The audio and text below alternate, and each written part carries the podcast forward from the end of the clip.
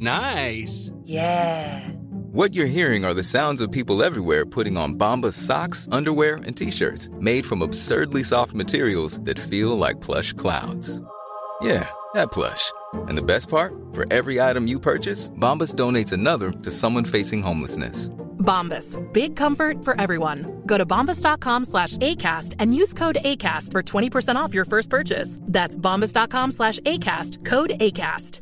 Ryan Reynolds here from Mint Mobile. With the price of just about everything going up during inflation, we thought we'd bring our prices down. So to help us, we brought in a reverse auctioneer, which is apparently a thing. Mint Mobile unlimited premium wireless. Ready to get 30, 30, bit to get 30, bit to get 20, 20, 20, bit to get 20, 20, bit to get 15, 15, 15, 15 just 15 bucks a month. So, Give it a try at mintmobile.com slash switch. $45 upfront for three months plus taxes and fees. Promo rate for new customers for limited time. Unlimited more than 40 gigabytes per month. Slows. Full terms at mintmobile.com. Hallå! Simon Gärdenfors heter jag och snart börjar min podcast Arkivsamtal. Den 25 augusti så kör vi Funny Fuck Up-turnén i Malmö. Jag kör stand-up och även Anton Magnusson och en massa andra svinroliga komiker är med. Och vi kör även i Göteborg den 29 augusti och i Stockholm 6 september. Ni hittar Funny Fuck Up-biljetterna på underproduktion.se och alla mina andra gig finns på gardenfors.blogspot.com. Ni får jättegärna stötta den här podden ekonomiskt på patreon.com. Ni som gör det får tillgång till en massa exklusiva avsnitt. Och följ mig gärna på Instagram och Twitter också. Där heter jag atgardenfors. Men nu kommer Arkivsamtal som klipps av min redaktör Marcus Blomgren. Marcus ordnar också en komediklubb. Blomgrens komediklubb. 5 september nu i år på Mortens krog i Uddevalla. Jag och Anton uppträder där då alltså. 5 september. Köp biljetter på tixter.com. Sök efter våra namn. Glöm inte det, det kommer bli askul. Mycket nöje.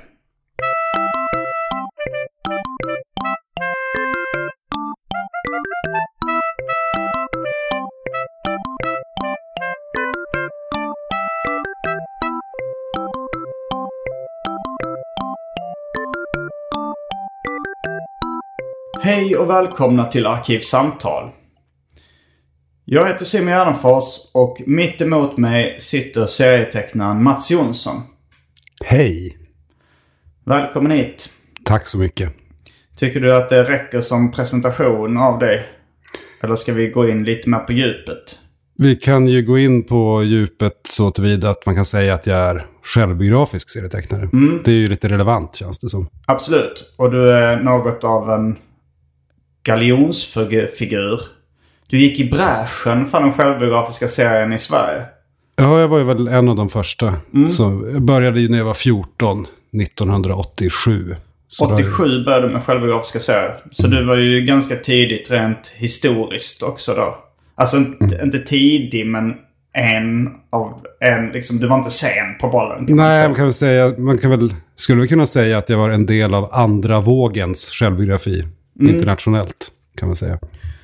Och um, du kanske är mest känd för böckerna Hey Princess och uh, vissa andra uh, som du kanske kan nämna själv. Som har Ja, fått... jo, ja, det är väl mina, mina tre eh, mest kända böcker är väl, är väl då Hey Princess från 2002.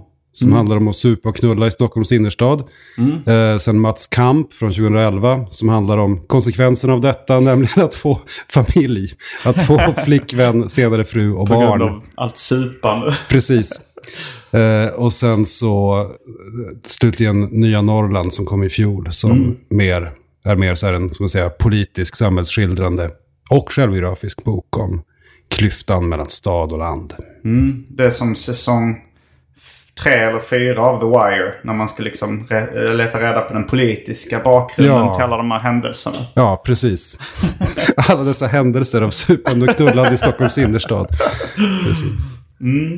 Ehm, men det är också självbiografiska serier vi ska prata om idag. Och ehm, inte bara självbiografiska serier utan eh, Joe Matt. Joe Matt. Den underbara mannen. Han... Eh, ja, jag vet inte var man ska börja någonstans. Vi kanske... börja med att kasta oss in på det omåttligt populära inslaget Välj drycken.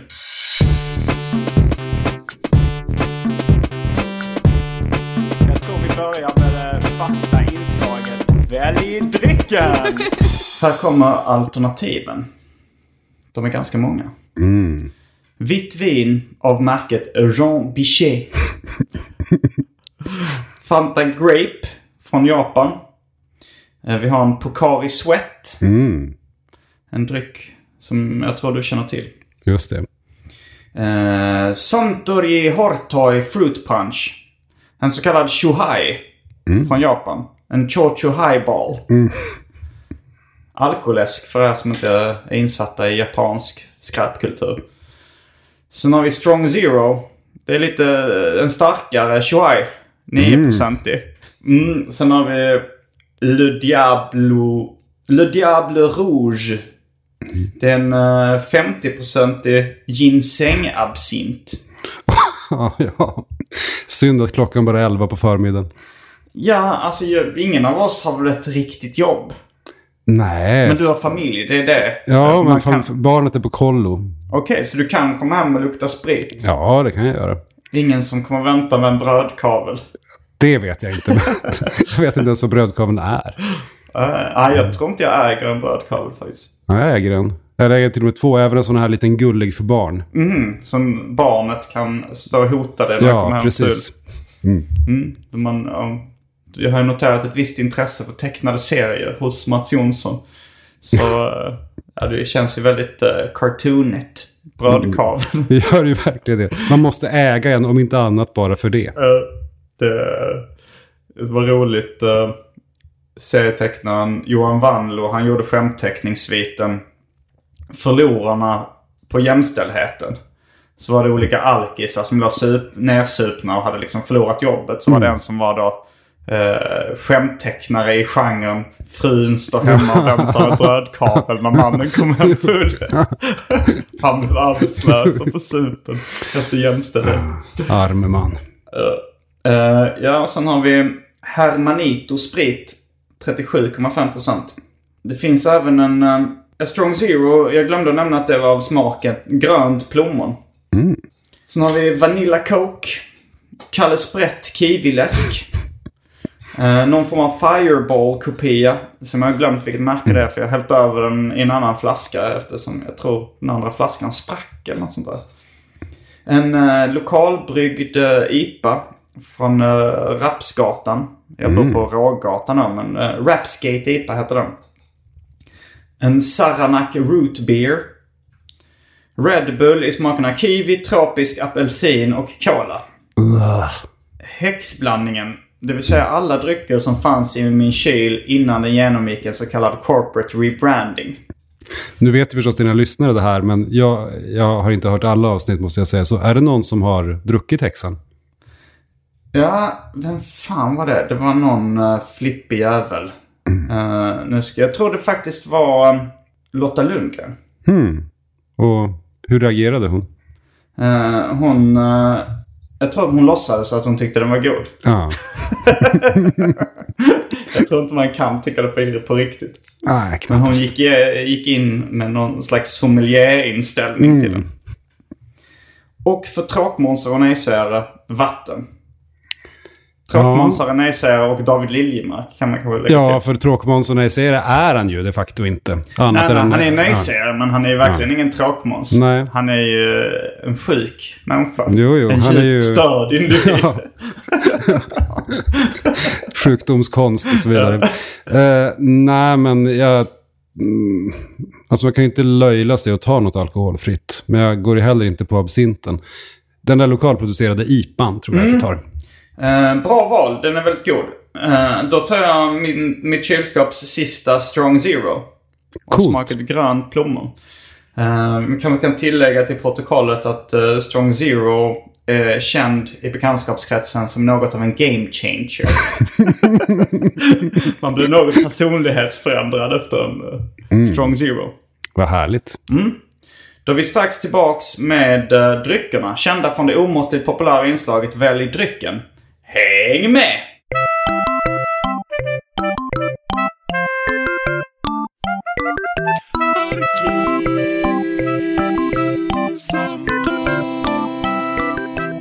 Då är vi tillbaks med dryckerna kända från det omåttligt populära inslaget Välj drycken. Jag ska korka upp eh, Strong Zero, grön plommon. Och Mats har just... eh, har du smuttat på Rapskate IPAn? Nej, jag har bara luktat på den faktiskt. Mogen doft. Mm, ja men den här smakar gott. Det smakar lite som uh, umeshu, det japanska plommonvinet. Just det, som Söta jag blommor. drog hem två flaskor från Tokyo och tänkte de här ska jag spara länge. Klipp. en efterfest så var de borta. Ja, efterfest är verkligen uh, rena torkskåpet för sprit. Ja, Vi ska kasta oss in på eh, ämnet, på dagens ämne. Joe Matt. Vill du ge en liten introduktion för eh, lyssnarna som kanske inte känner till den här mannen? ja han är ju en man som har verkligen varit spelat en stor roll i mitt liv och kanske även i ditt Simon. Absolut. Alltså, eh, på något sätt via dig. Jag upptäckte nog självbiografiska serier i den formen eh, som jag själv har jobbat i via dina serier. Och du kanske upptäckte dem via Joe Matt. Ja, eller han kom in lite senare för att jag började göra självbio efter att ha läst, då var det snarast liksom att, jag, att jag var inspirerad av Gunnar Lundqvists Klas Katt. Som är ju, ja, den är ju typ självbiografisk, men eh, ganska förvrängd och har fabeldjur och så. Men, Ja, den, det, där kommer vi in på definitionen av självbiografiska Mm. serier. Jag skulle nog säga att huvudkaraktären ska heta samma sak Ja, som serietecknaren i för och efternamn. Ja, man kan säga att Klas Katt är semi-självbiografisk eller någonting sånt. Men Mm. Ja, det, sen han kallar ju sig Gunnar Katten Lundqvist. Precis. Jo, semi. Sen så stötte jag ju via min kusin Fredrik Jonsson. Som också varit gäst i Just det, samtal. allt hänger ihop. Mm. Stötte jag, så fick jag upp ögonen för liksom då, säga, första generationens självbio som Robert Crumb, Eileen Kominsky, Crumb och så vidare. Och Justin Green. Justin kanske Green, inte läste. Men Jag han tror inte jag gjorde det, men han var- krediteras ja. ofta som den första. Även om hans eh, karaktär i Binky Brown heter väl Mm. eh, hans karaktär. Det, det är inte, följer ju inte min definition av självbiografiska precis.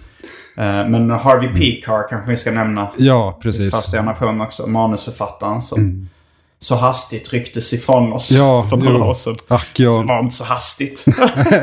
Men ryktes gjorde han. Mm. Nej, men sen... eh, Och då, då var jag ju framförallt fascinerad av Eileen Kominsky. Dels för att hon ritade lika taffligt som jag, tyckte jag. Och för att hon var mycket det här liksom med raka motsatsen till dagens kroppspositivism. Men ändå lite grann med samma effekt. Att hon mycket skildrade sin kropp och hur hon vantrivdes i den och ogillade den. Men samtidigt på något vis lyfte fram den och lät den ta plats. ja. Eh, och det har ju du också gjort i dina serier. Jo, jo, det du, är sa, väldigt... du, du jo. tecknar dig själv med väldigt mycket akne. Och, Jo, eh, mycket det var, ju, jo, det var en tydlig liksom, Elin Kominsky-inspiration där i början. Men sen var det ju, sen kom ju då den här andra generationen av nordamerikanska självbiografiker. Eh, då, som var koncentrerad till Kanada. Och Joe Matt är ju då amerikan, inte kanadensare. han är född i Philadelphia. Ja, 63. Han är precis 10 år äldre än jag. Så hur gammal är han idag? Då är han alltså 55. Oj Ja, jävlar i herrejävlar. lilla låda. Ja, jag såg ju för övrigt att Madonna fyller 60 idag. Så alla ska vi den vägen vandra och så vidare. Men eh, ja, född 63, växte upp i ett så här typisk villa-förortsområde till Philadelphia. Och var ju eh, så här, ja, just det, familjen var katolsk. Verkar inte jätte, jättereligiös direkt, ändå känslan, är känslan jag får.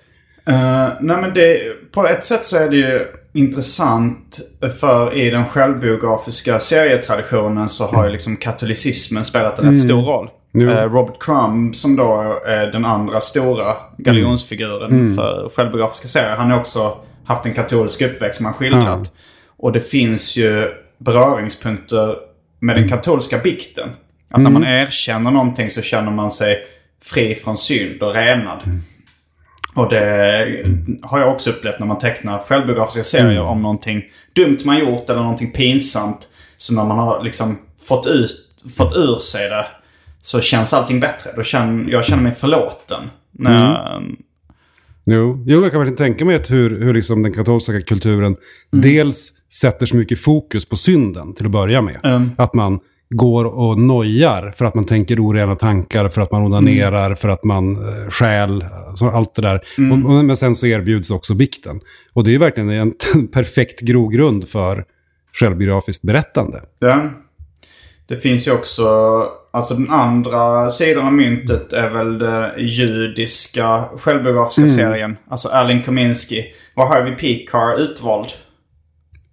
Alltså nu står det stilla här. jag är kommer in- inte ihåg. Jag är inte helt säker. Men, Men, eh, där, ja, där kommer vi också såklart in på Woody Allen som ju också är en referenspunkt här. Och uh, Maus-skaparen Art Spiegelman. Just det. Som också absolut är en av de stora namnen inom självbiografiska serier. Mm. Var han för... eh, han var för... eh, alltså Crumb va? Med självbiografiska serier eller vad han är. Alltså när kom egentligen Fången på helvetesplaneten till exempel? Det är då en serie där han, där han pratar om sin mammas självmord. Eh, en ganska gripande serie Ja, jo, den är verkligen som en hästspark i huvudet. Mm. Och den är med också i Maus som är eh, en av de mest klassiska serieromanerna. En av de första serieromanerna också. Ja, faktiskt. Ehm, som då skildrar hans pappas tid i koncentrationsläger. Ehm, inte det, svårt att kalla den för självbiografisk. Fast han är ju med som Ja, sig själv. jo, alltså det, det är ändå... Den kastar sig ju mellan tiderna. Att nästan halva boken utspelar sig ju i det som då var nutid. Med Art själv som huvudperson. Så att även om det handlar primärt om eh, minskningen, som du kallar förintelsen, eh, så, eh, är ju, så är ju ändå Art och hans liksom, känslor inför fadern och, och allt det här är ju väldigt närvarande. Så jag skulle nog säga att det är en självbiografisk bok. Ja. Eh, ja, det är lite historisk bakgrund. Eh, men han, John Matt växte upp i en katolsk familj i Ph- Philadelphia. Hans mamma var väl lite Jesus-freak liksom. Ja, att hon precis. skänker mycket pengar till en kyrka. eh, vilket John Matt tycker är jobbigt eftersom en av John Matts mest utmärkande drag är att han är väldigt, väldigt snål. Precis, det är nog kanske hans allra mest utmärkande personlighetsdrag. Mm, det är det nog. Eh, och han är ju... Han koketterar lite med det. Han Mm. verkar inte skämmas över det för fem öre. Han verkar nästan vara stolt över att Jo. han är snål. Jo, jo, att han tycker att alla andra är idioter som bränner pengar på en massa crap hela tiden. Så att det, ja, samtidigt som han ju själv då kan ju slänga iväg enorma mängder pengar på böcker. Det, han är ju då bokbunkrare. Och eh, ja, det är väl egentligen bara serier och serierelaterade saker han är intresserad av, tror jag. Ja, han är intresserad av eh, kanske gamla tv-serier och eh, Viewmaster Reels. Just alltså, det. om ni som kanske minns eh, någon form av 3D-bilder. Man tittar i en liten plastmojäng och så ser man eh, Ja, Ja. det kan vara sagor eller så här alplandskap eller så i 3D. Jag säger som David Rymark. Ni får väl googla det. Precis. Mm, nej men det är ju rätt rolig livsstil han har på det sättet. Att han i stort sett inte bränner några... Alltså så att han, han jobbar i stort sett aldrig. Nej, jag menar hans målsättning, säger han ju genom serien, är ju att ackumulera så mycket kapital genom att ja, jobba en del, men framförallt ha låga utgifter, så att han sen ska kunna leva på räntorna. Och, det, och jag tänker också på när, jag tror att det är i någon tidig serie där han är hemma hos, i sitt föräldrahem, och hans lillebror tror jag där, sitter och tittar på medan, han, medan Joe Matt gör sin deklaration. Och så säger han sånt där, Jaha, är det allt du får tillbaka i år? Eller, nej, nej, det här är vad jag tjänade. så han, så han, han rör sig väl mot något slags så här liksom nollinkomstsamhälle på något vis. Ja. Vilket också liksom, hela den eh, kulturen, alltså så i kombination med slackerkulturen, inspirerar mig jättemycket när jag eh, gick i gymnasiet och liksom började fatta beslut inför framtiden. Då hade jag just läst eh, boken Tredje ställen från solen av Claes Holmström. Just det. Eh, och eh, jag började läsa Joe Matt-serier också. Så jag var rätt inne på det här att man liksom... Alltså jag drömde inte om ett glamoröst liv utan jag drömde om total frihet. Är, är att, liksom, att inte vara beroende av pengar på det sättet. Att antingen leva extremt liksom, billigt så man slapp jobba. Eller gå på bidrag då som Claes Holmströms karaktär Jimmy gjort ja, i den Ja. boken. Och eh, ja, jag levde ju lite på det sättet ett tag. Men Det är någonting som egentligen känns ganska, kanske inte just bidragsbiten, men annars känns det ju ganska så här modernt och i takt med tiden nu. Alltså både det här att minska sitt koldioxidutsläpp, det personliga, sitt det? fotavtryck. Fotavtryck, Jag tycker det är lite töntigt så jag vill inte säga det. Eh, men, eh, men dels det och sen att men, osäker värld, osäkra tider. Att tanken på att liksom vara Mm. i någon mån självförsörjande är ju ganska... Men då, I tiden. 94 när den boken släpptes, Tredje ställen från solen, då var det ju någon form av ekonomisk kris i Sverige. Eller arbetslösheten framförallt är Ja. väldigt stor. Så det var liksom, de började hinta lite i vår skola så här, Ni kommer nog få det lite tufft på arbetsmarknaden. Ungar. Liksom, så man, man förberedde sig lite på ett liv på bidrag. Ja, jo. Nej, nej, nej men det, det var ju rätt hårda tider då också på sitt sätt. Men det är det att bidragen inte riktigt finns längre på samma vis. Det kanske de inte gör. Jag har inte så bra koll. Nu, Jag tror att det är betydligt svårare att, alltså framförallt socialbidrag och så, är väl att man i princip måste eh, gå på knäna till SOS för att, och klä sig i säck och aska för att få dem. Intrycket jag får. Eh, ja, det var också lite så att min liksom, romantiserande av slackerlivet och sånt där krockade med min arbetsnarkomani. ja, det var ju olyckligt. Men det är klart, är just den kollisionen som har gjort att du, nu- du nu lever ett, le, lever ett liv i frihet och glamour. ja, i viss mån glamour ska vi säga. det, jag tror om man ska, om man ska göra något sånt här uh, Cribs-reportage om mig så är det nog många som skulle säga så jävla glamoröst inte. Nej, men, men det är ju det är friheten också. Ja, visst, det, här att du, det här att du inte har köpt hus eller en stor lägenhet Mm. eller så. Utan, jag menar, jag förmodar väl att du betalade av lånen på den här lägenheten för Jag många år betalat av sedan. dem. Ja, Ja, jo, jag, jag är skuldfri. Jo, och det är ju frihet. Det sa, sa ju redan Göran Persson. Eh, och det, liksom, det är ju Joe Matts lite livsfilosofi också där. Han snackar om så här att folk uh, skaffar bil så att de kan liksom åka till ett jobb. Så att de tjänar pengar för att, så de kan betala för den här bilen. Som de då inte hade behövt ifall de inte hade haft det här Jo. jobbet. Eh, och det är det steget han liksom hoppar över. Jo, precis. Jo, men det är som jag försökte intala mig. Jag, jag slutade på mitt jobb i januari i år. Och att, Mm. Du jobbade på Galago. Ja, precis. Och jag tänker ju serieförlaget. Mm. Och jag tänker ju sånt att ja, men jag sparar in, jag behöver inget månadskort på tunnelbanan längre. Mm. Jag, behöver, jag går inte ut och äter lunch längre. Att ändå, jag tänker som Joe Matt i Mm. viss mån att det är utgifter, som, inte bara inkomster utan även utgifter som försvinner. Mm. Och det är ju rätt tilltalande. Ja, det är det. Det, det frågan är, liksom, för man snuddar ju lite vid en politisk aktivism när man liksom lever som Joe Matt. Jag tror ju han gör det av ren snålhet. Mm. Ja, jag menar han är väl totalt ointresserad av politik också, jag Ja, förstår. det kan jag också ganska mycket relatera till. Men frågan är vad han liksom... Eh, om man skulle se honom som vänster eller... Alltså jag skulle ändå kunna tänka mig att han är lite konservativ. Alltså rent moralkonservativ. Jag har ju träffat Joe Matt en gång. Just det, Ehm. du har träffat Joe Matt. Det kanske vi får Ja, det återkomma får till. vi absolut återkomma till. Men då, eh, för jag skickade min självbiografiska seriebok eh, eh, 120 Days of Simon. Simons 120 dagar när den kom på engelska till Joe Matt. Och han, eh, han svarade knappt. Jag tror att hans, jag tror att jag, när, eh, att han hade satt, han tänkte så skriva ett brev till mig men sen sköt han upp det liksom. Ja. Det inte av. Sen när jag väl, eh, när jag väl var i LA med, med Agro, där Joe Matt bor nu för tiden. Spoiler, spoiler alert. frågetecken. Precis. Joe Matt har flyttat till LA. Eh, men eh, då, då så, till slut så svarade han liksom och sa att han kunde träffa mig. Och då så, då så började han halvt om halvt be om ursäkt och- för att han inte har svarat. Och sa han så här. eh, yeah, I don't know. I don't... Nu låter jag mer som Woody Allen kanske än som Joe Matt. Men det... Så uh, I don't know why I didn't answer you. Probably because you weren't a girl. If you would have been a girl. I would... alltså, han blev lite creepy där direkt. Och sen, sen sa han då att han eh, hade blivit äcklad av Simons 120 dagar. För att jag hade knullat runt så mycket i den. Och så han sa så här, om det, om det inte finns någon kärlek inblandad så uh, fattar jag inte poängen med att knulla runt.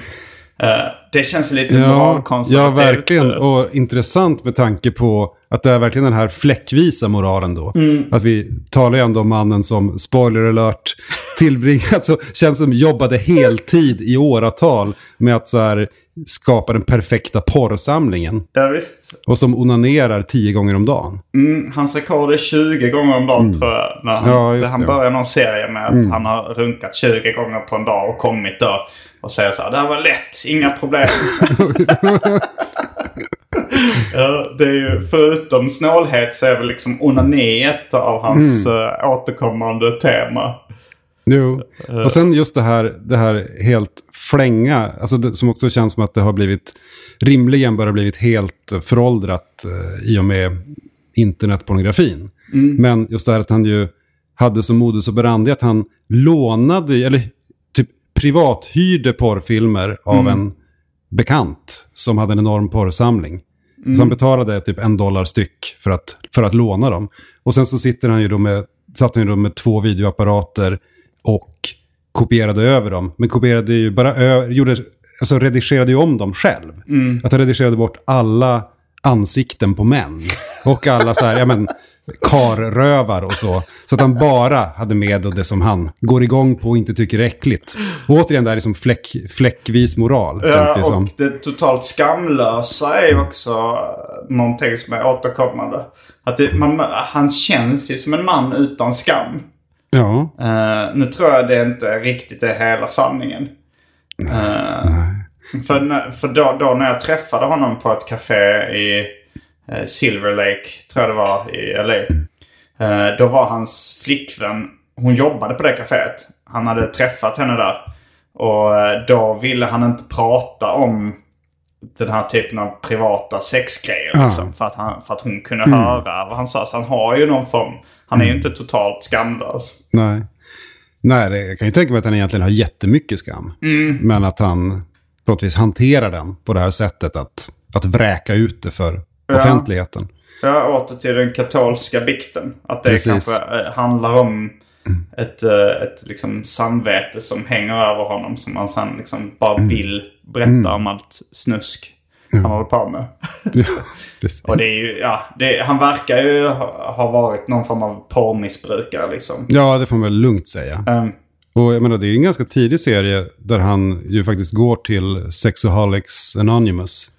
var det från, eh, ja vi kanske ska gå igenom lite Hans produktion. bibliografi. Ja, För att han började ju, gav ju först ut boken, en bok som heter Peep Show, som sen även hans tidning kom att heta. Mm, The Cartoon Diary of Joe Matt. Precis. Han var väl publicerad eh, innan dess i serietidningar. Ja, precis. Det var minst första gången jag såg en serie, då var det Fredrik Jonsson som visade mig, verkligen så här, det här måste du se i olika liksom, serieantologi, amerikanska serieantologier. Och det var ju då, det som kännetecknade honom på den tiden var ju verkligen en eller tvåsidiga serier med enorma mängder rutor. Så att det som var en sida av Matt motsvarade kanske en så här sju, åtta-sidig serie av någon annan. Ja.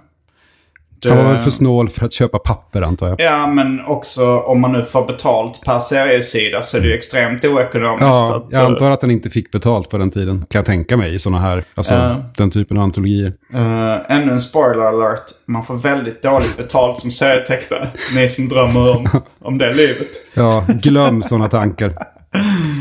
Eh, Men- jag tror inte ja. ens eh, Martin Kellerman uh, tjänade så jättemycket. Han sa att hans inkomst hade halverats de närmaste åren.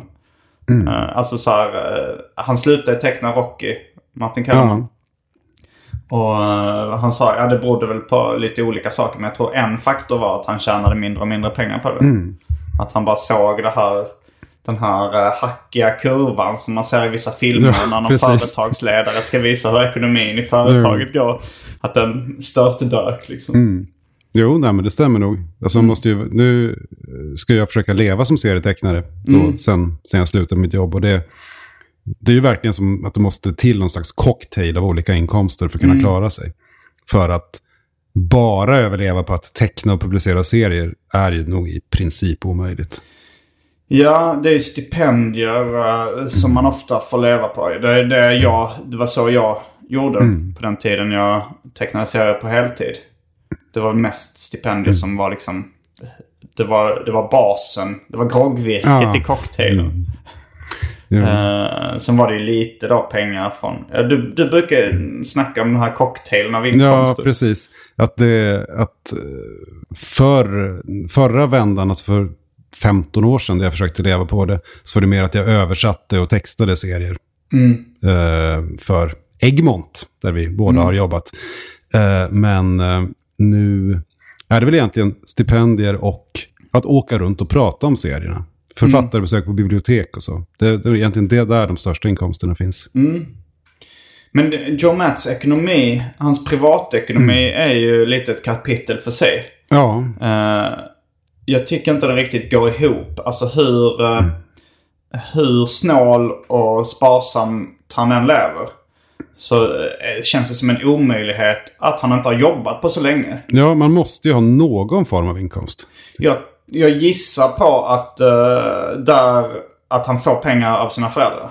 Du tror faktiskt det? Jag tror nog det. Alltså så här, att han får det ibland. Men att det har han inte tagit upp. För det, där kanske hans skam Ja, kickar in ja på precis. riktigt. Liksom. Jo. För det, det känns så här, han har ju verkligen... eh, han, han säger så här, "Ah, men jag färglade Batman-grejer på 80-talet. Liksom. Men de pengarna kan inte räcka hur länge Mm. Nej, verkligen inte. Okej nej, okej att i liksom, den tid han skildrar i sina serier, i, i eh, The Poor Bastard till exempel, som kommer härnäst i hans bibliografi, så då kanske han lever på liksom, ångorna från Batman-pengarna på något sätt. Ja, men det går ju inte ihop. För att han har ju så... Alltså han publicer, nu har inte han publicerat någon serie på... Jag skulle gissa på 13 år. Eller det, var, det var en... Den senaste var med i en uh, antologi från uh, Jordan Quarterly som är förlaget som har gett ut lejonparten av hans produktion. Eh, har du läst den... eh, den senaste Joe Matt-serien? Uh, den i Donald Quarterly-boken, ja. Jag läste den hos trumvirvel Fredrik Jonsson. Hur många sidor är den på? Ja, vad kan den vara? Jag har väldigt dåligt minne, men Men kanske en, någonstans mellan 10 och 20. Ja, kanske en 15 sidor. Ja, och det sant. måste ju varit över fem år sedan den kom. Ja, Och det är svårt att leva på 15 sidor på fem år. verkligen. Och innan dess så var det ju ännu längre tid. Jag vet inte när, när liksom eh, eh, sista numret av hans serietidning Peep Show kom. För Det var väl det sista han publicerade. Sen Ja. kom då en samlingsbok. Vad var det? Spänt Spänt. Det var precis. hans senaste. Det känns så absurt att säga senaste om en Ja. bok som kom. Jag vänder mig om i bokhyllan och ser om jag kan, kan hitta min Joe Matt-samling. Eh, Jag vet inte när den kom. Men spänt. Det, det måste ju varit 15 år sedan. Ja, jag skulle tippa att det var, kan ha varit 20, ja, 2003, 2004, någonting sånt. Eh, Så det är ju det att han ju bisarrt nog har varit tyst lika länge som egentligen hans karriär varade. eh, I stort sett. Och eh, när, jag, när jag då när jag träffade honom i LA. Då sa han att han hade tecknat 12 sidor på sin nya bok. och det hade han hållit på med i hur många år som helst. Det var nästan en sida om året liksom då. Ja. Alltså det, jag känner ju att, att som serietecknare känner jag hur det börjar krypa i mig. Liksom skräcken över att leva i det här. Liksom ha, en, ha någon slags skrivkramp som håller i sig i 15 år. Ja, men han, han verkade inte riktigt vara ärlig med sin skrivkramp. Han var så här, nej jag vet inte. Jag ska inte kalla mig själv lat. Det är bara det att jag har gjort massa andra saker. Och så är jag verkligen sån där eh, textplatta med pil mot honom. Lat. Självförnekelse. Lat. Ja, verkligen. Eh, Nej, men sen i och för sig då han lever på, jag kan ju tänka mig att han kan dra in en slant på att sälja av sina samlingar. ja, men jag tror inte han gör det. Han, han säljer ju inte så mycket. Jag tänker Ja, att han är, alltså- för, han är för anal för att göra det. Ja, men han hade... eh, han berättade att han hade... Nu sa han att han har väldigt lite grejer också. För han, alltså, han bor väldigt litet. Han bor inneboende i då, hos någon i LA, ett litet rum. Och han försöker verkligen minimera sina utgifter. Eh, så att han var väldigt noga med vad som passerade dörren. Eh, det var väl lite Karl Alfred-serier och sådär som Ja. tog in. Um, apropå ekonomi och att försörja sig, och, eh, gåtan. Så har det nu blivit dags för ett ord från mina sponsorer. Wow. Eller ja, sponsor. Sponsor. Eh, det är ett företag som tillverkar väskor. Med ett namn som jag tror du uppskattar. Baggish. De kände sig lite baggish. Så de... Ja, det, men eh, jag, har, jag fick just en, eh, en portfölj härifrån som... Vad tycker du om den nya vuxne Simon G som ska gå runt med en sån här portfölj? Ja, men jag tycker det kläder dig faktiskt. Det, jag gillar det här, liksom, det här lite gulliga rufset du har. Och, och det, ja, men det matchar portföljen. Jag skulle verkligen släppa in dig om du kom för att berätta om eh, Jehova eller sälja någonting. Ja, nej men det, det, jag gillar dem. Det, det är snygga väskor och äh, Arkivsamtals lyssnare, de får nu det väldigt generösa 25% rabatt. Om man går in på bagish.se och anger koden Åland. Så passa på att göra det med den där, med den här erbjudandet ligger uppe. Och du eh, får också ett presentkort från Bagish om du vill eh, skaffa dig en ny portfölj. Vad har du för väska förresten? Ja, jag har ju då en väska från ett konkurrerande märke. Mm. Axelrams väska. Är ju gammal indie-poppare. Och då har man Axelrams väska. Ja, du har pratat om hur sexigt det är med Ac- axelremsväska. Det var någon som skrev en artikel om det en gång i tiden, minns jag. Ja, det låter vagt bekant faktiskt. Kan det varit i Superplay eller något sånt? Varför skulle en tv-spelstidning skriva om Axelrams-väskor?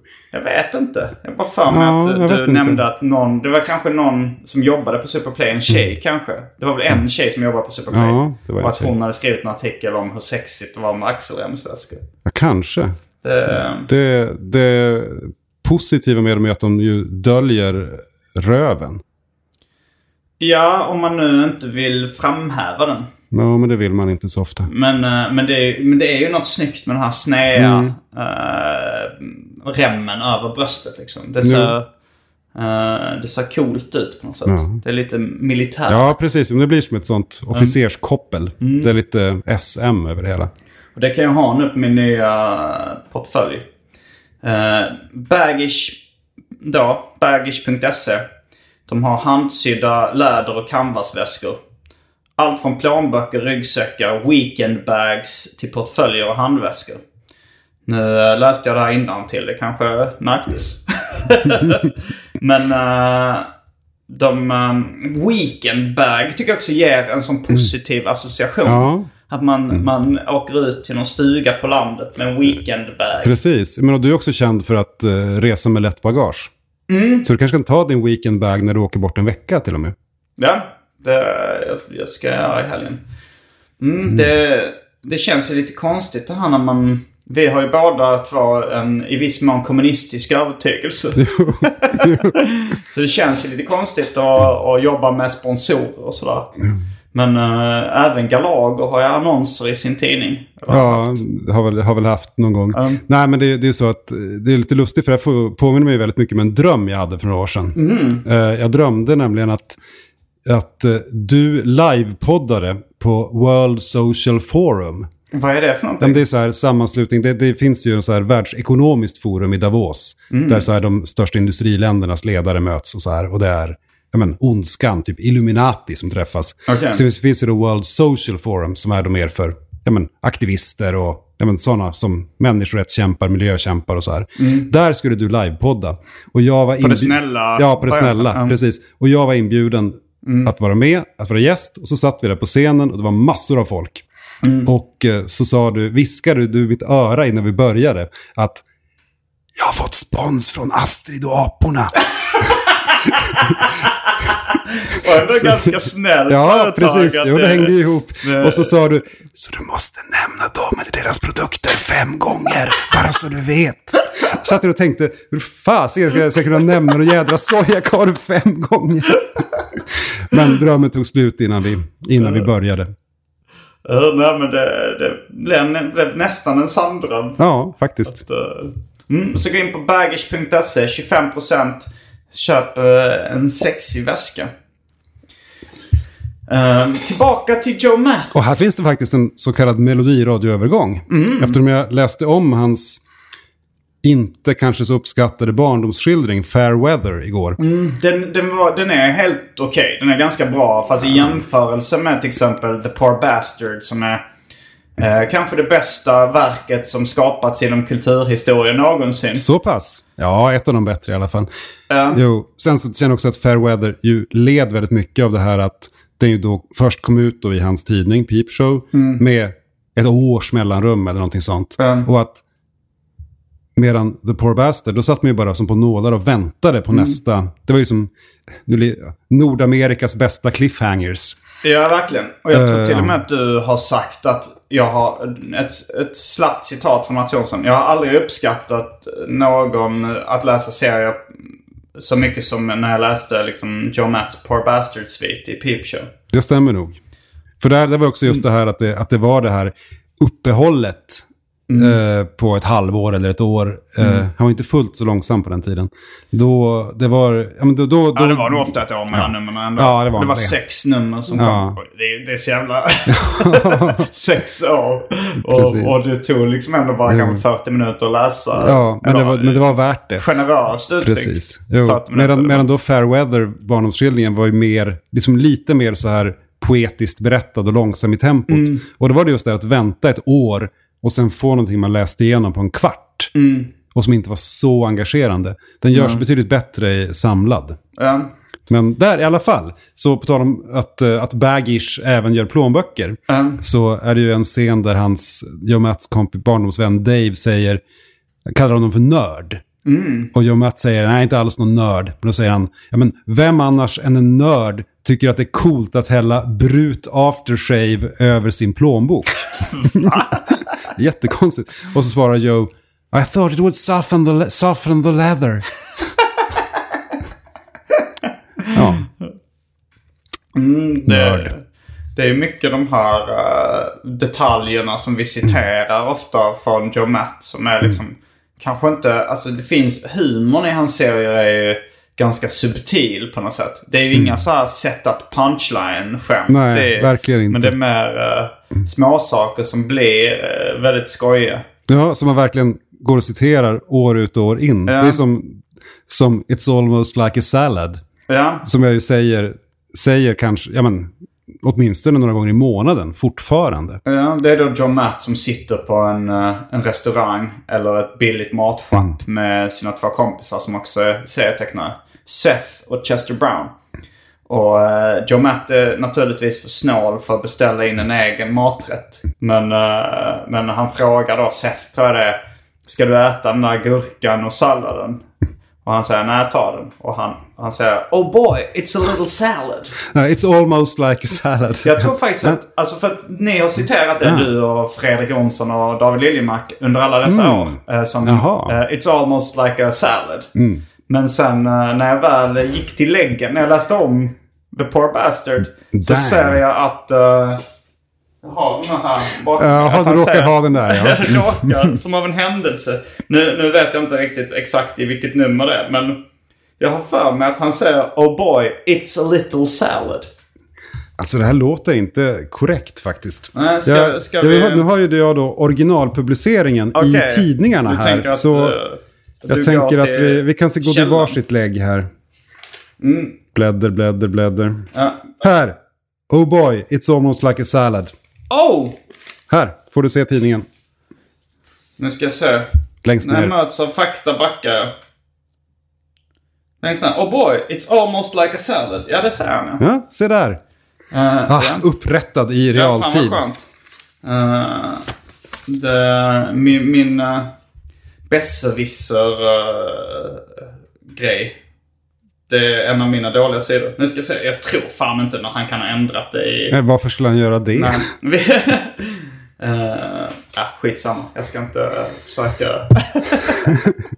försöka få rätt. Eh, ja, men det, det, det är ett citat som jag också använder.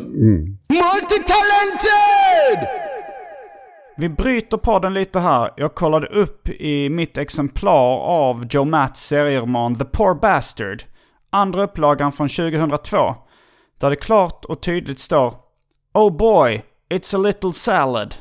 Men i Mats serietidning från mitten av 90-talet står det i samma ruta Oh boy, it's almost like a salad. Joe Matt har alltså ändrat den meningen i den senare upplagan. Mycket märkligt. Hey, I'm Ryan Reynolds. At Mint Mobile, we like to do the opposite of what Big Wireless does. They charge you a lot, we charge you a little. So naturally, when they announced they'd be raising their prices due to inflation, we decided to deflate our prices due to not hating you. That's right. We're cutting the price of Mint Unlimited from $30 a month to just $15 a month. Give it a try at mintmobile.com slash switch. $45 upfront for three months plus taxes and fees. Promote for new customers for limited time. Unlimited more than 40 gigabytes per month. Slows. Full terms at mintmobile.com. Quality sleep is essential. That's why the Sleep Number Smart Bed is designed for your ever evolving sleep needs. Need a bed that's firmer or softer on either side? Helps you sleep at a comfortable temperature? Sleep Number Smart Beds let you individualize your comfort so you sleep better together. JD Power ranks Sleep Number number 1 in customer satisfaction with mattresses purchased in-store. And now, save 50% on the Sleep Number limited edition Smart Bed for a limited time. For JD Power 2023 award information, visit jdpower.com/awards. Only at a Sleep Number store or sleepnumber.com. Even when we're on a budget, we still deserve nice things. Quince is a place to scoop up stunning high-end goods for 50 to 80% less than similar brands. They have buttery soft cashmere sweaters starting at $50, luxurious Italian leather bags, and so much more. Plus, Quince only works with factories that use safe, ethical, and responsible manufacturing. Get the high-end goods you'll love without the high price tag with Quince. Go to quince.com/style for free shipping and 365-day returns. Multitalented! Och så även det här, apropå hans snålhet, eh, när han säger I noticed someone hasn't been reusing her tea bags lately. till sin flickvän Trish. Att han ju då kräver att man ska återanvända te, tepåsarna så länge det överhuvudtaget är någon smak kvar i dem. Så jag känner så fort jag ser en tepåse så, så säger jag det här. Ja, alltså hans relation med eh, före detta flickvännen Trish är liksom den röda tråden lite i The Poor Bastard. Eh, som vi är båda överens om är hans bästa serieroman. Eh, och det, just den relationen var nog det som en av de grejerna som berörde mig starkast. Just hur hans självbiografiska serier påverkade deras förhållande. Vill du eh, dra eh, en genomgång av det händelseförloppet? Ja, gärna det. Alltså, Trish förekommer ju då ganska ymnigt redan i hans tidiga serier i den här samlingen. The Eh, Cartoon Diary of Precis. Joe Matt. Och de har ju ett väldigt, väldigt, ska man säga, intensivt förhållande. Att det är på, det är av, de grälar, de gör slut. Det är uppenbart att han inte är speciellt lätt att leva med, kan man ju säga. Och det är ju det är också så Han är att... väldigt egoistisk och väldigt snål. Och, Ja. och ja, Precis. ingen bra pojke. Nej, och att, och att jag menar, han är så jävla dissig. Att, att det är sånt som jag verkligen tycker är så... Som bara en sån enkel sak som att ja, Trish har hittat Viewmaster Reels som hon har köpt. Då hittar de på en loppis och så här, titta här får du en present av mig. Och så får han se dem och så har han då samma dag beställt dem för 20 dollar från en samlare. Och han liksom blir arg. Han blir arg på henne. Han blir inte alls glad. Jag menar, det, det naturliga vore ju förstås att, jag menar att... eh, typ man bara behöver inte, inte låtsas om att man ja, har beställt dem. nej. Utan bara, åh, de här har jag inte, vad glad jag blir.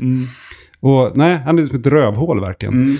Och sen det som då händer i första numret av tidningen Peep Show eh, är ju då att han eh, är samma kassapojkvän som vanligt. Och dessutom så här, blir eh, intresserad av en arbetskamrat till henne. Hon har ett sommarjobb på något slags, det är som ett kollo fast i stan tror jag. Och eh, det är en tjej som då, i serien heter Frankie som hennes kollega där och de börjar så här hänga en del. Som Joe får någon slags sexuell besatthet av. Nästan en förälskelse. Ja, att, det är liksom, att han, knappt, han vågar knappt prata med henne. Och döljer förstås sina känslor, både för henne och för Trish och för alla. Men han går liksom och kåtar upp sig över henne och tänker på henne hela sommaren. Och det är som att hans liv...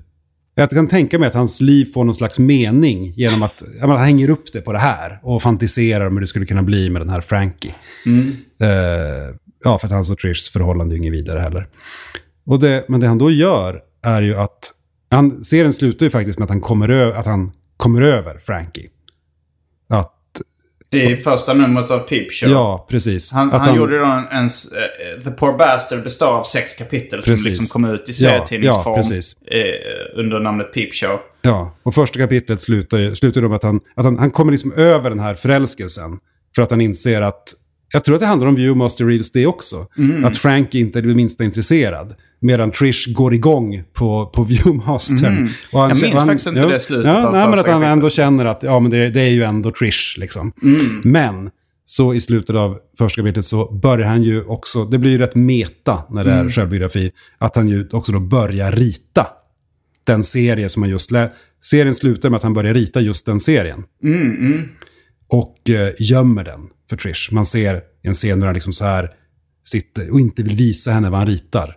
Därför att han ritar är ju då den här historien om hur han är förtjust i hennes kompis. Och det tycker jag är så otroligt eh, fascinerande. Mm. Att han tecknar den här serien som han måste förstå riskerar hela hans förhållande. Ja, Men att han liksom utan att tveka verkar det som bara så Mm. här, låter konsten gå före privatlivet. ja precis. Att det är så här, okej nu ska jag teckna en serie som kommer paja mitt privatliv. Mm. Men jag bara kör.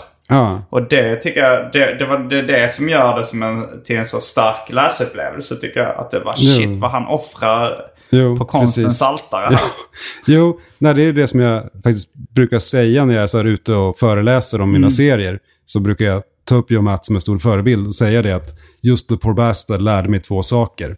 Att om man vågar ge, om man vågar ge av sig själv och vara ärlig Mm. så blir det liksom en fan, ofta så kan det bli en fantastisk liksom, konstupplevelse. Mm. Det kan bli precis hur bra som helst. Men samtidigt, om man sätter konsten före livet så är man en idiot, tror jag att jag brukar säga. För att han riskerar ju så oerhört mycket. Och han, han förlorar ju allting också. Ja, han förlorar ju Trish delvis på grund av Ja. sina serier. Alltså hon lämnar ju honom och han skildrar det och, och hon säger så här. eh, han börjar fråga om hennes nya... Hon börjar dejta en ny kille. Och hon frågar, Graham. Graham. Och han frågar, ställer någon fråga om honom och hon säger så här. Det har inte du med att göra och inte dina jävla serieläsare heller. En fullt förståelig reaktion måste man ju säga. Mm. Jo, Nej, men jag känner också att jag var i så här ändå också rätt ålder och livssituation för The Poor Bastard. När, jag, när jag läste den här att, att det var, ja att just det här som relationerna mellan så här, kärleksrelationer och vänskapsrelationer mellan människor som var ja, men, några år äldre än jag själv. Så här, som var lite mer så här, ändå lite mer vuxna, lite mer etablerade, även om Joe aldrig blivit etablerad. Att jag kände att ja, men det, det berörde mig så oerhört. Det var verkligen så, just att det var så spännande. Det här, Ja, hur ska det gå? Att det, känd, det kändes som att man, även om det såklart inte var i realtid, det var ju eftersläpning, men det kändes som att man följde hans liv i realtid. Här, att, det, att det var som att, att, det var som att få, ett, få ett brev från en vän man hörde av en gång om året och som var oerhört bra på att skriva brev. Men eh, också, alltså det är säkert många som får den känslan av så tv-serier som Seinfeld. Som jag älskar liksom och vänner som jag inte eh, älskar. Men eh, jag tycker väl helt okej. Men jag menar, skillnaden är ju att Joe Matt kan göra det så extremt smutsigt. Att det, det, är så här, det finns inga, inga liksom filter från något större bolag eller något sånt där. Nej. Och det, det för oss lite in på en, en grej i serien som är så här, i efterhand ganska svårsmält. Det är när han ger uh, Trish en blåtira Just i en precis. serie. Och eh, det, liksom partnermisshandel är ju extremt obehagligt och liksom någonting som mm, jag skulle ha jättesvårt att, att liksom förlåta i mitt privatliv. Alltså om någon kompis har gjort det. Men när jag läste serien så är det ändå så att man, man tycker fortfarande om Joe Matt. Efter, ja, det är, efter, det, ja, det, är så märkligt. Ja. För att, nej men det är det, det är ju någonting jag ser som en laga grund för uppsägning av vänskap. Liksom. Att, eh, nej att, ja, nej, det är bara fruktansvärt. Men det där, jag vet inte, det där, Det är nog för att man har distans till det också. Att det är liksom en, en romankaraktär. Mer, alltså tror jag. Jag tror också det hade att göra med att när jag läste det var jag ganska ung. Jag vet inte. Alltså i och för sig jag skulle... Det handlar ju också det här om att skilja på konstnären och verket. Även om liksom verket då nu i det här fallet skildrar verkligheten. Men, men eh, också fenomenet att ju mer dåliga sidor eh, en eh, författare eller konstnär liksom berättar om sig själv. Desto mer sympatier väcks på något sätt också.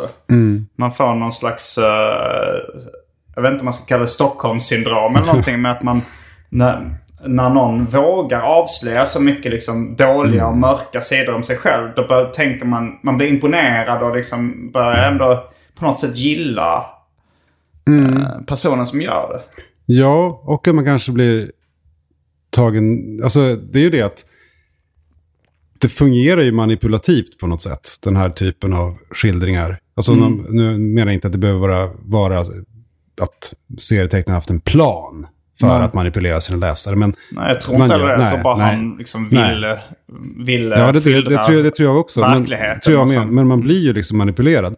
Och tänker att, jag menar att man känner honom, att man till och med man kan, man skulle kunna börja så här utveckla försvar för honom att ja, men jag vet, det har ju förstått att det här är ju ingen våldsam typ. Mm. Egentligen. Det har man ju sett, han är ju en mesig tönt. Mm. Och, vilket ju givetvis inte spelar någon roll egentligen. Nej. Och sen att, ja så var det väl, jag tänkte, det finns också en bild där Trish sparkar honom på pungen. Som är väldigt grafisk. Ja, är det i samma bråk då? Jag tror att det är samma bråk. Det handlar om att han, han sitter och tuschar Mm. sin serie. Och de börjar bråka och hon, när hon liksom drar i hans arm. Ja. När han, medan han tuschar. Då, Mm. då, får han, eh, då flippar han och ger henne en blå till. Ja. Eh, och eh, ja, det är ju det är väldigt obehagligt. Men, Ja. men när man läser det så är det bara så här, ja, ja, ja. Alltså, Ja, så jo, minns jag, jag- det som. ja, att jag jag, tror jag, ja. såg inte det som en jättestor grej. Nej, inte jag heller. Men jag tror att det handlar dels om hur ung, hur ung man själv var. Mm. Och sen att det var, ja men, jag vet inte, avstånden var längre på den tiden. Att det Ja. fanns ju dels avstånd i tiden, det här hade inte hänt nyss. Nej. Och så hade det hänt i Kanada för ett Ja. antal år sedan. Nej, jag blir inte upprörd kändes- för att Heliogabalus dödar massa barn. Nej, lite upprörd kanske du blir. Nej, jag, känner, jag, jag kan bara se den komiska effekten att en gammal Mm. Ja. romersk kejsare avrättar barn eh, Mm. till höger och vänster. Liksom. Eller ja, nu, det är så svårt. Alltså det, det är ju tid och geografi Mm. som gör liksom att empatin trubbas av på något sätt. Jo. Jag har svårt att känna mig upprörd. Så här, Oj, vad dumt av Heliogabalus att göra det här. Precis. Men jag tänkte att det finns ju faktiskt en liten parallell i mitt konstnärskap. Mm. I och med att jag har ju gjort en serie där jag ju slår ett barn när jag jobbar på dagis. Ja, det, det är från... eh, Den här Toklok, scener ur Just det, ett det är från din bok. eh, Mats Kamp. Mats Kamp, ja. Mm. Att du, ja, du, du, du jobbar på dagis och... Ja, alltså på min dotters dagis. Mm. Ett föräldrakooperativ där man måste, föräldrarna måste jobba. Och jag var liksom helt utmattad av dagens långa arbete. Mm. Och hade min då ett och ett halvt år gamla dotter liksom på armen medan jag gjorde Mm. en stor, stor del av det här arbetet. Då är det okej. Ah, sen, ja, det var ju det att han, att, eh, han hade ju varit, var ett riktigt rövhål den här killen. Han var, Mm. han var sex år. Och eh, han eh, hade verkligen så här liksom gjort allt han kunde för att liksom provocera mig. Och sen. Mm. Vad var det han gjorde för att provocera dig? Ja, men så här, han, började, han pratade om hur ful min dotter var och hur konstig Ah. hon var och vilken konstig docka hon hade och så vidare. Men hon är så Mm. liten så hon fattar inte det. Men sen så avslutar han ju då, to top it off, så slog han henne. Ah. Min ett och ett halvt år gamla dotter så att hon... Och hur så att gammal hon, var han? Sex. Och han började Okej. gråta. Och då, och då var det verkligen bara helt reflexmässigt Mm. så flög min arm iväg och slog honom. Men det var att medan armen flög så lyckades hjärnan liksom fatta vad som höll på att hända och bromsade in slaget. Mm. Så att det blev liksom, väl egentligen, det var med knytnäven på armen men det blev mer som en dask sådär. Ja, ja. Och det skildrar ju då i serien men eh, det är ju ingen som har gett mig någon som helst skit över det. Nej, och det... Jag känner inte heller... Alltså så att jag började tycka illa om det i serien när jag läste det. Eh, och det är rätt intressant för det är liksom eh, partnermisshandel i alla. Men att slå ett barn det känns ju det är Ja, ännu mer ja. lite Jo. fegare liksom. Eller Jo, så. jo. Och dessutom ett barn som man, ska, som man är satt att ta hand om. Det är verkligen detta enorma M's svek. Men eh, Ja, men, det, men det var också så här eh, redan tidigt när jag upptäckte dina serier så, så tappade jag lite hakan över hur liksom ärlig du vågade vara. Eh, det har jag gjort av Joe Matt också. Men jag, jag läste dina serier innan jag läste Joe Matt. Och då var det nog bara att jag läste, jag tror jag läste i Bild och Bubbla eller några, några seriechock eller någonting. Där det stod om dina serier så att du skildrade dina runkfantasier och, och liknande. Och jag, jag kanske var, vad kan jag ha varit, 14 eller någonting då, 15. Och jag hade ju liksom inte, våg, jag hade inte vågat erkänna för någon att jag onanerade. Och tyckte att det hade ju varit liksom döden att bara berätta det för min storebrorsa eller något sånt där. ah, Eh, men då tyckte jag, hur fan kan den här serietecknaren Mats Jonsson göra serier om sina Mm. runkfantasier? Bara erkänna det och släppa ut det och tyckte det var så här. Det var liksom, det påverkade mig jättemycket och tänkte så här. Jag började leka med tanken om att Mm. jag själv skulle börja teckna den typen av serier. För jag gjorde ju själv serier då kanske lite i, i python-stil med vulgärhumor. Men det var en sån liksom svindlande tanke för mig att, att erkänna den typen av pinsamma grejer. Sen gick, löpte jag linan ut och erkände väldigt pinsamma saker i serieform. Eh, men kände du aldrig den svindeln eller obehaget inför att skildra pinsamma saker? alltså egentligen inte. För att jag tror dels var det det att jag och mina kompisar hade en sån nära och fin relation. Nej, absolut inte så. Nej, men att vi, vi kunde verkligen prata om vad som helst. Och Ja, att, det hade inte jag då med mina kompisar. Nu har jag ju det. ja, tur det. Nu har jag även det med mina poddlyssnare. Ja. Jo, jo nej, men så att det var ju det att när jag själv säg att när jag gick i åttan eller nian skulle jag hellre ha dött än erkänt för någon att jag onanerade. Men i gymnasiet så blev det en, det var en helt annan atmosfär. Att det var, i vårt gäng var det liksom högt i tak och liksom frihet. Man kunde, alltså, eh, kunde tala om vår intimhygien eller vad som helst. Så att eh, jag tror att det var det som på något vis spillde över i serierna sen. Ja, men Ja. är det inget du har skildrat som har liksom gjort ont? För det har jag ju känt så här, eh, eh, när jag har suttit och tecknat och så, och det här är så fruktansvärt pinsamt. Jo, så. jo, men det är ju det att det är mer det här att det här med att hur jag när jag var ung jag menar, så här, förnedrade mig i relationer. Att jag inte hade, men att jag var den här jobbiga liksom, gråtkillen som, som eh, inte bara nöjde sig med att vara kompis utan eh, prompt måste ha mer. Jag tänker på någon förnedringsscen i eh, en ganska tidig. Det är nog för Hey Princess. När du är på en festival och det är en tjej som säger så här, om du hoppar upp i containern Ja, så där får du norrlänningar. ha Så- skönt sex med mig. Ja. Och Och så så, hoppar du upp i containern och sen så, så skrattar hon åt det så att hon bara skojar. ja, du, var den, du är den enda som var dum nog att gå på det där. Och det, men gjorde inte det ont att skildra? Mm. Ja, det, det var mest roligt. Men däremot, däremot så är det i ska jag, min första liksom, allvarligare självbiografiska serie, eh, Jag blev kär i ett spöke. Ja. Där är det ju hur jag säger, ja, men det är mer så här pinsamma saker jag säger åt den här tjejen jag är kär i. Att du är så näpen. Ja, det, det kan jag förstå. Mm. Alltså jag kan ju få skamsköljningar för liknande grejer jag har sagt. Mm. Men, men när man läser det så tycker jag så här det mest var roligt. Alltså det var sånt här. Jag, Mm. förstår, jag, förstår, jag måste nog liksom gå till mig själv och egna exempel Mm. för att liksom kunna känna och verkligen så skamkänsla. Hur reagerade hon när du sa... Du så näpen. Eh, jag minns faktiskt inte. Men, Jag, jag, jag, jag, har ingen aning. Antagligen så är det, är det skammen som har utraderat minnet. Nej, för jag tycker den här reaktionen, alltså när jag sagt något liknande till någon och någon har sagt eh, eh, herregud vad klyschigt eller något sånt där. eh, då, då, då blir skammen tiodubblad när Ja, reaktionen jo, också är ett, ett, eh, ett, en förnedring. Liksom. Inte bara din egen kommentar. Jo, nej, men det, det, är, det är nog det värsta, just det här pinsamma saker jag sagt. Alltså, och just det där att vara, ja men, under en period när jag verkligen, jag var som en sån här, jag kunde lätt bli liksom dörrmatta åt någon eller, Mm. eller hund. För att jag så gärna ville, helt enkelt ville ha en flickvän. Jo, det, men det är också en intressant aspekt inom självbiografiska serier, det här med offer och förövare. Att det är ju, det, att skildra sig själv liksom som ett offer och förnedrad, det är pinsamt. Men det är kanske är ännu mer pinsamt att själv, skildra sig själv som en förövare. Som då Joe Matt gör i, i Blåtira-scenariot. Eh, att då, då liksom är det en, en annan typ av självutlämning. Jag tycker det. Det är någonting som jag alltså upptäckte ganska tidigt. Det var ju när jag läste självbio, var ju att jag inte är intresserad av de här liksom offer, offerskildringarna.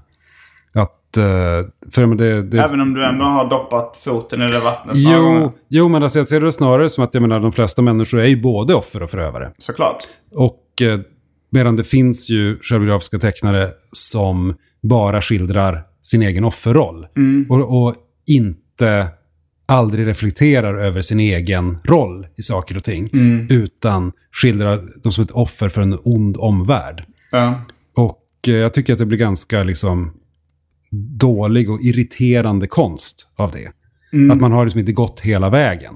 Att det är någon slags falsk självutlämning. Att man visar hur, för, hur förnedrad man har blivit. Men det är ju inte att utlämna sig själv. Det är att utlämna vad man har varit med om. Men inte liksom vem man är, tänker jag. Ja, det beror ju också på lite vilken självbild man har. Om man, eh, om man är totalt ärlig och bara ser sig själv som ett offer. Så kanske det är den ärliga skildringen av det. Ja, så kan det väl vara. Men, Men, eh, men, men då- då, men då blir det ju någon slags... Alltså sjukdomskonst är ju ett, är ett väldigt starkt ord. Och jag menar inte att applicera den termen på det. Utan mer bara att då blir det ju på något vis bra trots att. Bra, bra, eller, eller liksom bra på ett annat sätt än vad skaparen har tänkt sig.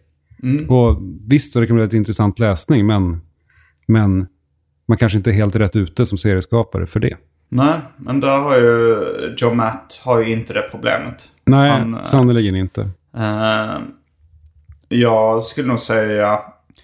Ja, men han är kanske den bästa serietecknaren eh, som jag känner till. Eh, håller du med?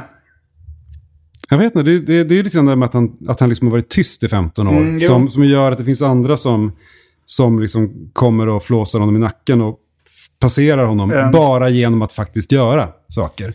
Ja, alltså Så- Robert Crumbs konstnärskap, eh, hela liksom... eh, hela kroppen av arbete, som det så skämtsamt heter. Uh, kanske jag skulle sätta högre än Joe Matts samlade verk. Men, men The Poor Bastard tycker jag i alla fall är den bästa serieromanen som gjorts. Ja, det är väl det att den kanske inte... Alltså det är ju det att... Det är svårt att jämföra. Det kanske inte är den viktigaste serieromanen som gjorts. Eller liksom den mest imponerande eller så. Men det är definitivt den som jag har läst flest, flest gånger, skrattat mest åt och känt mest åt. Så på så vis så är det kanske den bästa. Det får man säga. Vilken, Och att jag- vilken skulle du säga att den är i konkurrens med? Mouse? Ja, Maus går ju liksom inte att komma, komma runt sådär. Nej, den, den är ju väldigt bra. Men jag, jag skulle absolut hellre läsa om The Poor Bastard än Mouse. Jag läser dem båda ganska ofta faktiskt. Och För att, jo, men det är också det att Maus är så intressant liksom, i det berättartekniska. Med att det, det har liksom bäring på det jag själv försöker göra och vill göra. Just det här med de olika tidslagren och Du sådär. var väl rätt Joe Matt-inspirerad också? Ja, jag menar, min bok Hey Princess är ju i princip eh, rakt av Joe Matt-inspirerad. Skulle jag säga. Det är verkligen mitt försök att göra en egen The Poor Bastard, skulle jag tro. Och ja, den är också extremt grym. Ja, den är ju rätt rolig om jag får säga det själv. Men, eh, nej, nej men... The är det någonting eh, vi, vi börjar uh, få ont om tid här? Mm. Är det någonting som vi har missat att lägga till om Joe Matt? Det känns som att som lyssnarservice kanske vi skulle prata lite mer om just The Poor Bastard och vad som egentligen händer efter att då Trish har gjort slut. Alltså vad, vad som då var ändå största delen av boken egentligen handlar om. Och Ja, det- det handlar ju om när han försöker få tillbaks Trish. Ja, och även har ju diverse eskapader med, med andra tjejer som Ja. han... Eller, ja, få, få tillbaka Trish och sen när inte det går, få en ny flickvän helt enkelt. Det, det är ju inte mer än så, egentligen. Nej. Som är, det är drivkraften. Och så är det ju då... Själva plotten är ju inte liksom på pappret så stark. Men eh, och, jo, om man inte räknar med det här där. Om man bara skriver hisspitchen. Självbiografisk serietecknare pajar sitt förhållande genom att teckna serier om en förälskelse i sin flickväns kompis. Ändå rätt stark Jo, jo, hisspitch. jo, faktiskt. Jo, och det var väl den som, eh, som ändå fick HBO intresserade. Just det, han hade ju ett eh, kontrakt med HBO som han schabblade bort. Genom att vara omöjlig att arbeta med. Jag känner verkligen hur man. Ja, jo, men jag, jag tänker mig det. Att man skulle vilja örfila upp honom. För att man hade, även om, den, även om eh, Joe Matt-tv-serien inte blivit jättebra så hade man ju väldigt gärna velat se den. Ja, ja. Eh, ja, det är en kulturskatt som gått förlorad. Ja, HBO-serien om Joe Matt. precis. Och med de orden så avslutar vi veckans avsnitt av Arkivsamtal. Jag heter Simon Gärdenfors. Jag heter Mats Jonsson. Fullbordat samtal.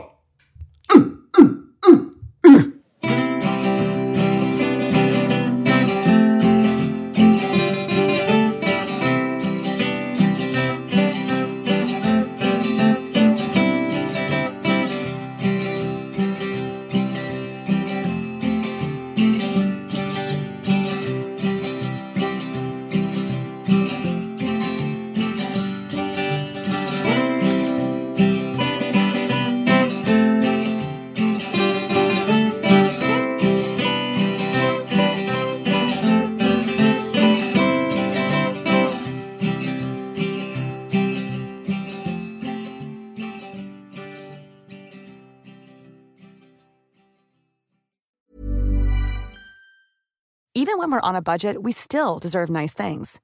Quince is a place to scoop up stunning high-end goods for 50 to 80% less than similar brands. They have buttery soft cashmere sweaters starting at $50, luxurious Italian leather bags, and so much more. Plus, Quince only works with factories that use safe, ethical, and responsible manufacturing. Get the high-end goods you'll love without the high price tag with Quince.